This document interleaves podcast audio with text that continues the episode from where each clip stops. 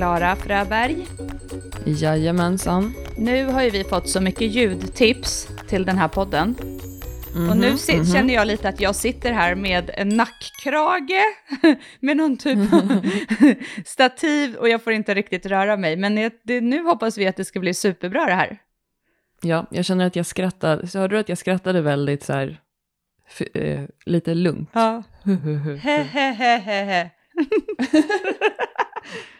ja, men det är superhärligt ju. Men det, är jättero- det ska bli superkul. Vi är peppade nu att se hur vi kan göra så att ljudet blir ännu bättre.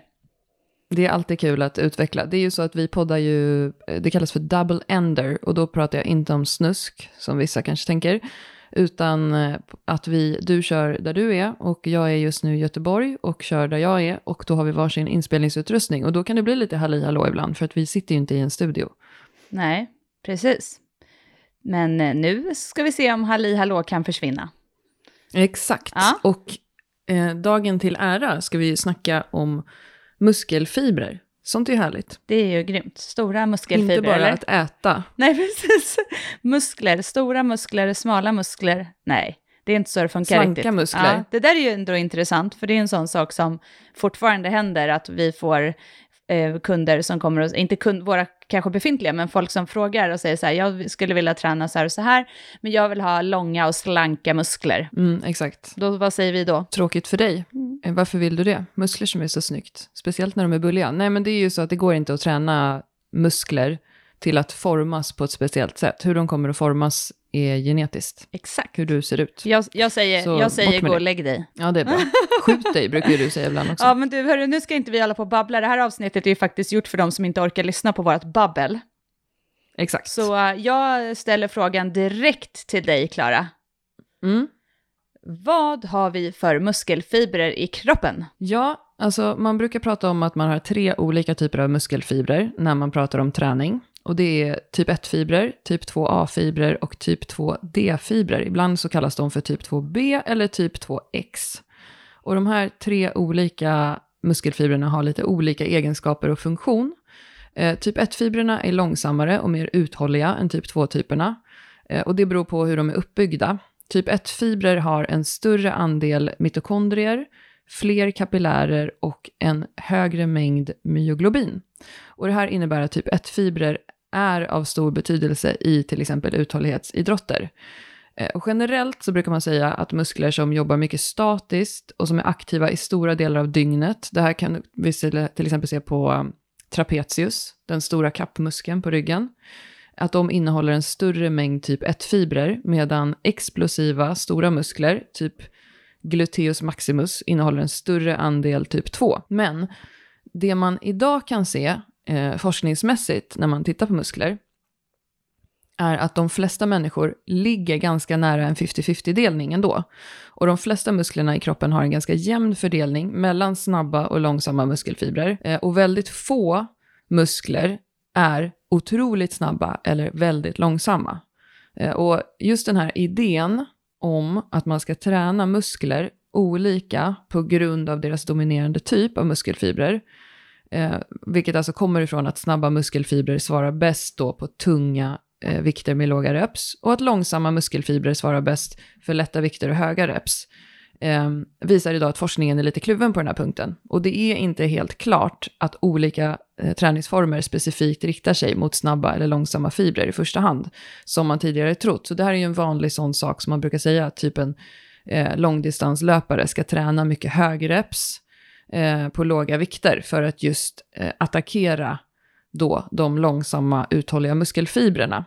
Så att även om det fortfarande finns ganska mycket bra bevis för typspecifik hypertrofiträning, eh, och även om det då skulle finnas ett jättebra eh, test för att känna av en muskels fiberuppdelning, så tycker vi inte, eh, och det är det som forskningen tyder på idag, att man ska ändra på just den allmänna rekommendationen att fortsätta träna den muskeln med olika repsintervall, alltså variera. För att om man varierar så kommer man att jobba med alla typer. Och, eh, men, och då, om- om det är så då att jag som tränar väldigt mycket långdistanslöpning, Mm. ko- kommer det då ge mig, då kommer det ändå ge mig det jag behöver, för att det är ändå specifi- specificiteten som gör att vi når dit vi ska. Ja, det där är lite roligt för att för några år sedan när jag hade en träningsblogg, Mm. då fick jag hem eh, så här, eh, gentester Mm. eh, som en sån marknadsföringspryl. Och det ena var ett fetma-gentest som visade då att jag hade risken för fetma-genen, visade det testet. Ett DNA-test. Och sen det andra testet var om jag hade de här typ 2X-fibrerna som lämpar sig då väl för kraftsport. Och det var väl därför de skickade det till mig. Och det visade att jag hade det. Men eh, det som är det intressanta med det är ju vad gör, vad gör det för skillnad för mig att veta det? Ja, egentligen ingenting. Men för vad ska du göra med den informationen egentligen? Ja, vad ska jag göra med den informationen? Jag tränade, det är inte som att jag så gick och tränade tunga knäböj som ett intresse och en hobby för att jag har märkt att jag har en specifik fallenhet för det. Ehm, Så, så är det ju inte. Och just det som forskningen ändå tyder på idag, att vi har alla ganska mycket av allting. Och det viktiga är, om man tittar på i det stora, så handlar det egentligen om träningsvolym. Mm. Så, va, så träningsvolym är en del, men vad är det mer man ska tänka på då? Om man liksom står och funderar på alla de här sakerna. För det är ju jättevanligt att man får så här, jag ska träna mycket, jag ska nog träna mer högreps för att jag behöver vara uthållig och så vidare. Så vad kan man tänka på om man liksom ska punkta upp lite saker? Ja, men om man ändå vill liksom stimulera sin muskeltillväxt, om det är det som är syftet med styrketräning, för även en löpare behöver ju styrketräna, anser vi, så är det ju antagligen då bäst att träna i alla repsomfång för att få ut maximalt. För att en av de eh, viktigaste aspekterna i att öka sin styrka, öka sin både muskeluthållighet och muskelvolym, är ju att ha en progression i sin träning hela tiden. För kroppen är ju genial på att anpassa sig till vad vi gör. Alltså den vänjer sig hela tiden. Kommer du att träna biceps curl med 8 kilo tre gånger i veckan eh, i ett antal veckor så kommer kroppen vänja sig vid det och kommer sluta, då kommer du inte få någon hypertrofi till slut. Så du kommer ju behöva ha en progression i att öka ditt max ändå, även om du är löpare. Eh, och du behöver ju även ha en specificitet i din träning till dina mål. Du behöver ju träna det du vill bli bra på. En stor del om du vill bli bra på att styrkelyfta är ju att träna det centrala nervsystemet också. Och att teknikträna. Det är de, alltså både centrala nervsystemet och teknikträning är ju lika viktigt som att faktiskt lyfta de där tunga vikterna. Så att därför så rekommenderar ju vi, oavsett vad du håller på med för sport, att alltid försöka ha en utveckling och en progression i din träning och att du tränar på det du vill bli bra på. Grymt ju. Så, men hur funkar det med det här, liksom, det här med repsomfånget då, då? Då kan man ändå säga att det finns en viss... Eh, för det är ju också någonting som är diskuterat, just det här antalet reps. Det har ju vi pratat om i tidigare, Mm. I tidigare avsnitt, just det här med och, hur många reps man bör ligga på i de olika repsomfången. Men, då, Mm. men och det vi kommer fram till är ju att, att jobba, med, jobba med olika repsomfång kommer förmodligen i alla fall att ge en bra input. Exakt. Och när vi pratar om att jobba med olika repsomfång så handlar ju det om att lyfter jag en vikt som jag orkar lyfta max sex gånger, men då är det en maxtung vikt. Om det står fem gånger fem i ditt program knäböj, då ska du ju inte känna att du kan orka tio på den vikten. Eh, Då är det ju för lätt. Så att en till sex reps brukar man ju säga ungefär, eh, maxstyrka. Och sen därifrån någonstans, sex reps, eh, ja, upp till åtta. Sex till åtta, där jobbar du också både med maxstyrka och hypertrofi. 6 till 15 reps eh, jobbar du definitivt med hypertrofi. 16 eller fler, då är vi inne på det här med uthållighetsträning. Och tittar man på till exempel på vårt mest populära program, Bli en beefcake, så eh, varför många har så, tror jag, eh, bra utväxling av det programmet är ju för att i varje pass så jobbar du både med maxstyrka, hypertrofi och i många av passen jobbar du också med uthållighet. För att du går till exempel farmers walk, eh, du gör vissa övningar högreps eh, med gummiband till exempel. Där kan du ju rätt, lätt bränna av 25 stycken. Och då tränar du på allting samtidigt, samtidigt som du också har en linjär prog- progression i att eh, set och reps förändras. Och de förändras varje vecka i varje träningspass. Mm, grymt. Jag har ju lagt in nu i min, i min eh, träning, i min eh, toppningsträning just nu, Så jag har inte Mm. ändrat någonting, jag kör samma sak. Men förra eh, cykeln så körde jag ju eh, mycket hantelpressar i, som assisterande övning till bänken. Och Just nu det. har vi ju ändrat lite här, i, så att nu gör jag ju istället för att göra hantelpress så gör jag ju bänkpress, fast efter, efter mina tunga reps så gör jag många flera set eh, med flera repetitioner. Mm. Av egentligen två anledningar. Att få göra bänk, eh, just Mm. för att jobba med att sitta fast, även när jag gör många repetitioner i bänken. Eh, men också för att eh, jobba med lite volym just i samma, och eh, att kunna eh, jobba med samma rörelse för också tekniken och nervsystemet. Så att vi ska ju testa här om vi kan få upp min bänk lite nu. Det är ju svinkul. När, när jag eh, bänkade mycket eh, förra perioden så hade jag också att i varje, eller i ett pass varje vecka så körde jag hantelpressar till fail efter bänken. Och försökte göra det som du älskar Johanna, försökte göra reps-PB i det. Så jag försökte ta en tyngre vikt eh, så ofta jag kunde eller göra fler reps. Eh, jag vet att jag körde med 22 kilo sist jag körde. Och så, så försökte jag göra så många reps som möjligt på den vikten och så försökte jag öka det varje vecka. Det är ju ett eh, jättebra sätt att kombinera ihop med sin maxstyrka tycker jag. Ja, verkligen. Och jag gillar det. det är, just bänk har jag inga problem att göra många reps i. Eller problem, det är ju tungt för mig. Men det är, jag känner skillnad på bara några pass när jag har gjort det efteråt. Att, jag, att, eh, att det blir ju en vana också, att musklerna får, får det. Eh, Men det ska bli jättekul att se och det är roligt. Just bänk är ju inte heller lika slitigt om jag tittar på mig. För mig att göra en sån grej med knäböjen och marken skulle ju slita mycket mer på kroppen. Just, just nu i alla fall, i den här delen. Sen att göra många repetitioner i andra liksom, basperioder och uppbyggnadsperioder, det är en annan sak. Men just nu när jag kör så tungt, om jag skulle göra knäböj och mark på det sättet, då skulle jag bli alldeles för sliten.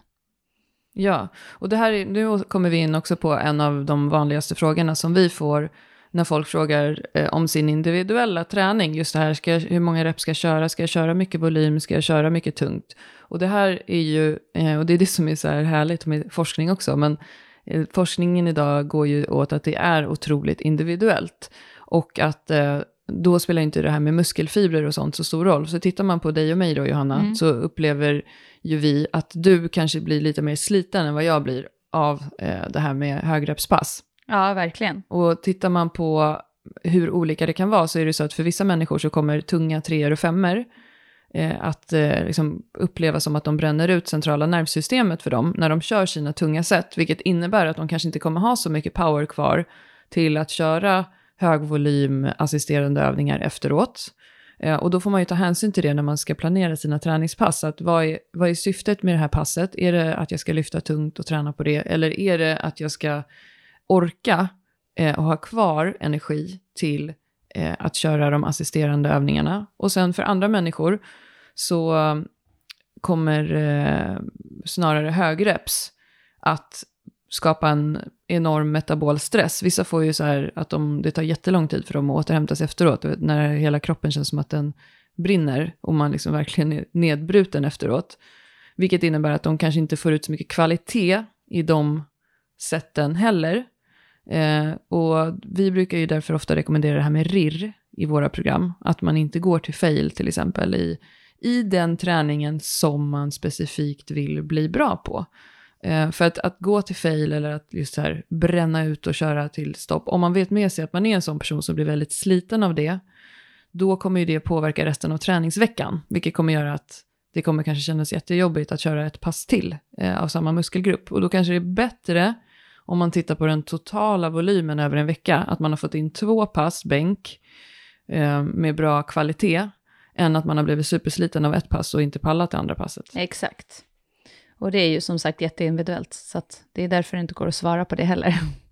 Hur, hur blir du med högreps och träningsverk och sådär? Ja, men jag, får, jag tycker att högreps är... Nu, det, det är ju såklart en klurig fråga. Nu, gör jag väldigt, nu har jag gjort väldigt lite högreps, men jag gjorde ju det här några pass i, nu när jag skulle komma igång igen efter eh, tävlingen. Och jag känner ju att jag får väldigt mycket träningsverk av det.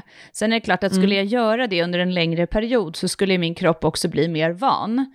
Men, Ja. men jag upplever att jag har mycket lättare att återhämta mig efter ganska tunga pass.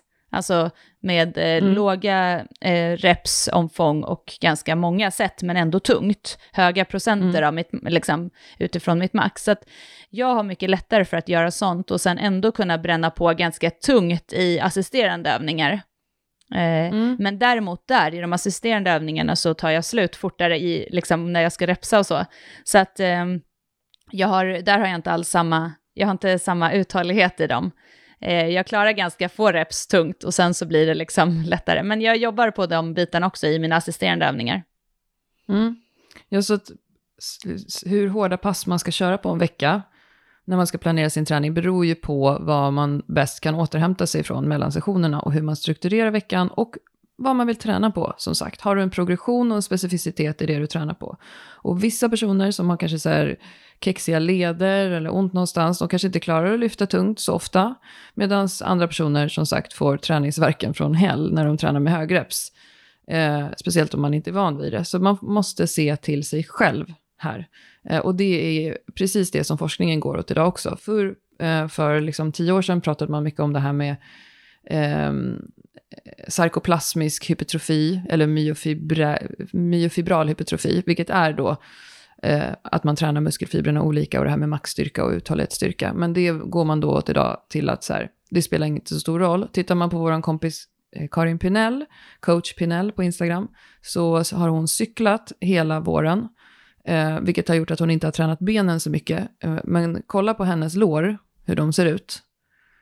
Eh, de är enorma nu, de är skitsnygga. Eh, och ehm, det är ju då kontraindikativt på att hon har ju inte tränat hypertrofi för låren. Hon har ju kört bara uthållighetsträning. Ja, de är enorma ändå. Exakt. Mm. Så att eh, don efter person. Exakt. Det är alltid det bästa. Träna på allt. Och träna på allt så missar du inget, men ha en specificitet i det. Yes. Är det luddigt eller? Nej, jag tycker det är nej, klockrent. men jag tycker det är jättebra. Så egentligen det generella är så här, lägg inte så jäkla mycket fokus, utan kör alla delar. Ja, och just alla som springer mycket nu, den här tiden på året, att inte vara så fixerad vid det här att det ska vara så lätt och mycket hela tiden också. För det är ju lätt och mycket också när du springer mycket. Då är du ju ute i uthållighetsträning hela tiden. Yes. Ja, men jag tänkte vi kan avsluta med att ge bort ett eh, träningspass som jag är ganska förtjust i att lägga in både för kunder och för mig själv Mm. någon gång här och där. Eh, om man tänker på det här med vad, vad vi nu har pratat om, att volymen över tid egentligen är det som eh, verkar forskningsmässigt på sikt ge störst effekt. Så om man jämför två stycken olika upplägg med till exempel knäböj eller marklyft, Yes. eh, att jobba med tvåor, alltså två repetitioner. Eh, så att köra till exempel på 65% av sitt 1RM, om vi nu hittar på att mitt 1RM är 100, för mig är det ju typ det i böj. Mm. Eh, om jag då skulle köra tvåor på 65%, alltså tvåor på 65 kilo, varje hel minut, 15 set, det vill säga i 15 minuter så gör jag 30 reps. Då eh, tankar jag in 1950 kilo på mitt eh, volymkonto. Hade jag istället gjort två år på 85 procent, vilket också hade varit rimligt för mig, vilket då hade varit 85 kilo. 10 set eh, är ganska rimligt tycker jag, på 85 procent. Det är ganska mycket. Det är ganska alltså. mycket, ja. Ja, eh, kanske hade till och med gjort åtta i ett vanligt träningsprogram. Mm. Um, då hade jag ju vilat längre för att det hade varit tungt för mig med 85 kilo. Och jag hade kanske gjort eh, 10 set på 30 minuter, säger vi. Då hade jag kommit upp i 1700 kilo. Så jag hade fått en högre volym med en kort vila på en vikt som ändå är så pass lätt för mig att jag vet att jag har låg skaderisk eh, och att det inte är särskilt tungt.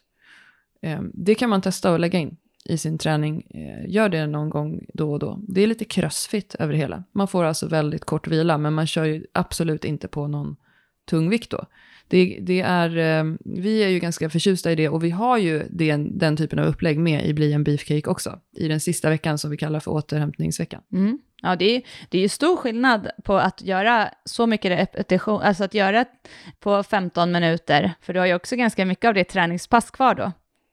Mm. Så att den totala volymen på ditt träningspass kommer också förmodligen att bli mer. Exakt. Eh, och det kan ju vara ett bra kombinationspass om man kanske har ett tungt pass varje vecka, Mm. men man vill få in kanske två pass varje vecka. Man säger att man har ett böjpass som är lite lite tyngre, man vill få in ett till eh, och man vill inte bli för sliten. Man kör den där typen av upplägg. Dessutom så är det väldigt tidseffektivt. Vi kan ju dela det, för det är lite svårt när folk satsar och bara ah, spolar tillbaka och försöker lyssna. Så vi kan ju del- vi delar ju det när vi, eh, när vi lägger ut avsnittet såklart. Ja, Ja, grymt. så forskningen visar, det spelar ingen roll, träna det du vill bli bra på och ta i och eh, fortsätta att utvecklas hela tiden. Skitbra. Nu går vi och, nu går vi och böjer. Det gör vi. Ha det bra. Hej. Hej.